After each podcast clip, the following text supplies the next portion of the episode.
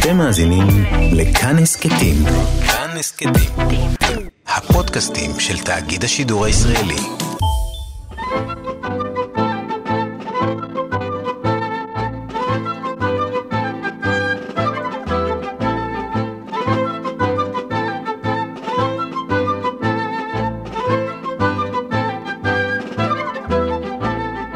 שלושה בסירה אחת. אה, כן, והכלב.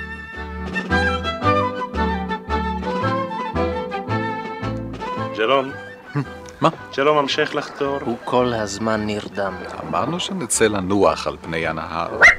שקט מול מורנסי. אם אתה לא חוטא לפחות אל תפריע. תמיד הם צועקים עליי. קל לצעוק על הכלב. אינני זוכר מי הגה את הרעיון המטופש של שיט על פני נהר התמזה. אבל אני בטוח שהכל התחיל באותו ערב בלונדון בביתו של ג'רום.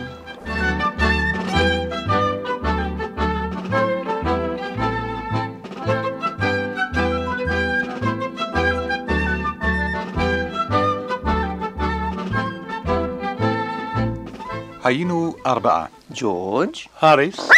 מונמורנסי, ואנוכי ג'רום. ערב אחד ישבנו בחדרי, עישנו את מקטרותינו וערכנו דיון במצבנו הנואש. אה, כלומר נואש מבחינה רפואית. לפעמים תוקפות אותי כל מיני סחרחורות ש... גם אני סובל מסחרחורות כאלה, האריס, אבל בכיוון ההפוך. אני סובל מן הכבד שלי. מניין לך, ג'רום? שלשום קראתי בעיתון פרסומת לגלולות לריפוי הכבד. היו שם כל הסימנים למחלת כבד. ובכן, כל הסימנים הללו מופיעים אצלי. באמת, ג'רום. האריס, אינך מאמין לי? כבר שיקרתי לך פעם? פעם אחת? אבל יש סיפור שקשור במחלות שלי. לג'רום יש סיפור. דבר, ג'רום, אל תפריע לעצמך. ג'ורג' יקירי, העבר לי את עיתון הערב.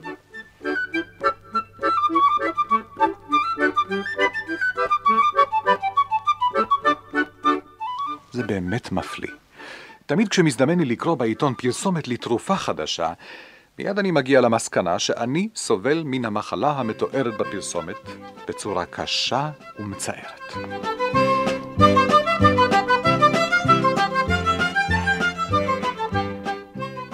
יום אחד הלכתי למוזיאון הבריטי, לאגף ספרי הרפואה, ועיינתי בספר אחד עבה. התחלתי לקרוא על אחת המחלות, אינני זוכר איזו, קראתי את הסימנים האופייניים של המחלה, ומיד נסתבר לי בבירור שאני נגוע במחלה הזאת. שעה קלה ישבתי שם רועד מפחד, ואחר כך המשכתי לדפדף בספר מתוך חולשה וייאוש. הגעתי אל המחלה טיפוס המעיים.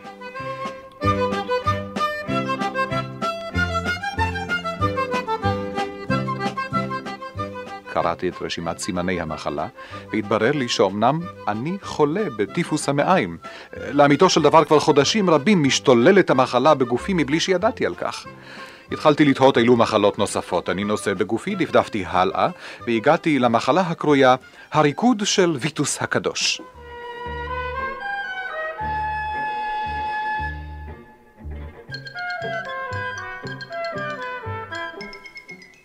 בדיוק כמו שציפיתי, הייתי חולה גם בזאת.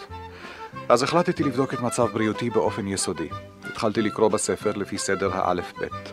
באות א' קראתי על אבעבועות שחורות, והסתבר לי שאני נגוע בהן כבר מזמן, וכי השלב המסוכן של המחלה עתיד להתחיל אצלי בעוד שבועיים בערך. באות ב' הסתבר לי שגם ברי ברי היה לי, וגנגרנה, וג', אבל רק בצורה קלה. אשר לדלק את קרום המוח, זאת יש לי מלידה.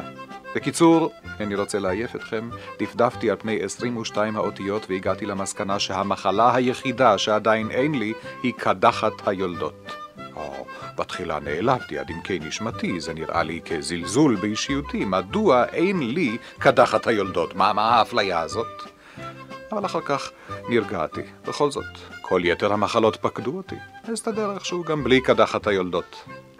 הייתה לי שלפוחית המותניים בצורה חמורה ואכזרית מבלי שארגיש בכך, וגם תססת הכרוב הייתה לי, עוד משחר נעוריי. תססת הכרוב הייתה המחלה האחרונה בספר. ומכיוון שכך, הגעתי למסקנה שחוץ מזה, אצלי הכל בסדר.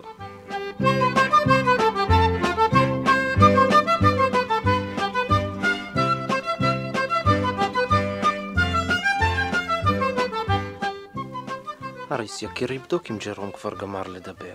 גמר. אה, עוד דבר קטן, חברים. בקשר לפרסומת לגלולות נגד מחלת הכבד. הם כתבו שם בעיתון שסימן אופייני למחלת הכבד הוא הרגשה של סלידה ושנאה כלפי כל עבודה.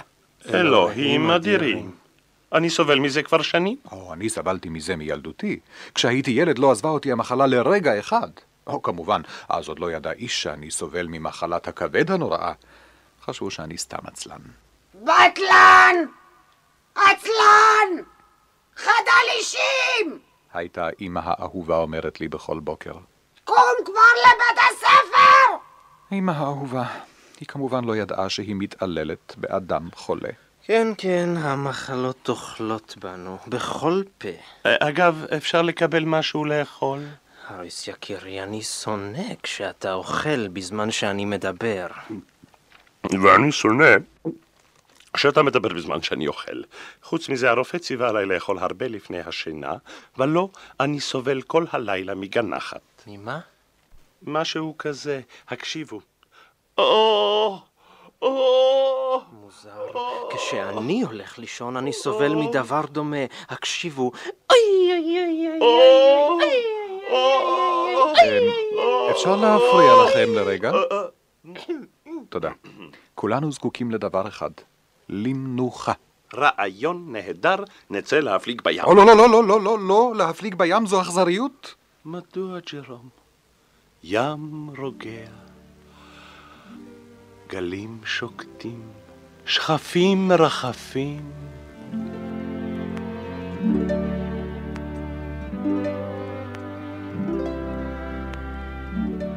ככה?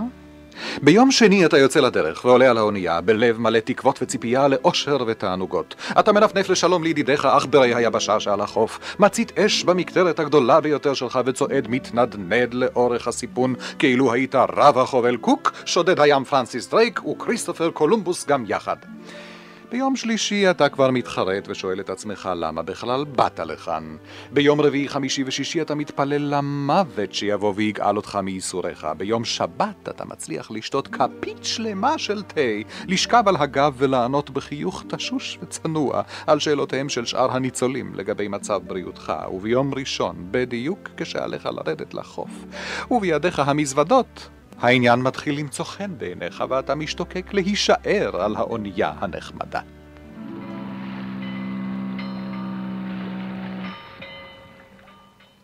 ולכן, חברים, אני נגד הפלגה בים, או לא בגללי כמובן, אני אינני חושש ממחלת ים, אבל אתם רגישים כל כך. אה, לי לא אכפת להפליג בים, אבל אתם, האריס וג'רום, אתם עדינים כל כך. אני לא מבין איך אנשים מסוגלים בכלל לחלות במחלת ים.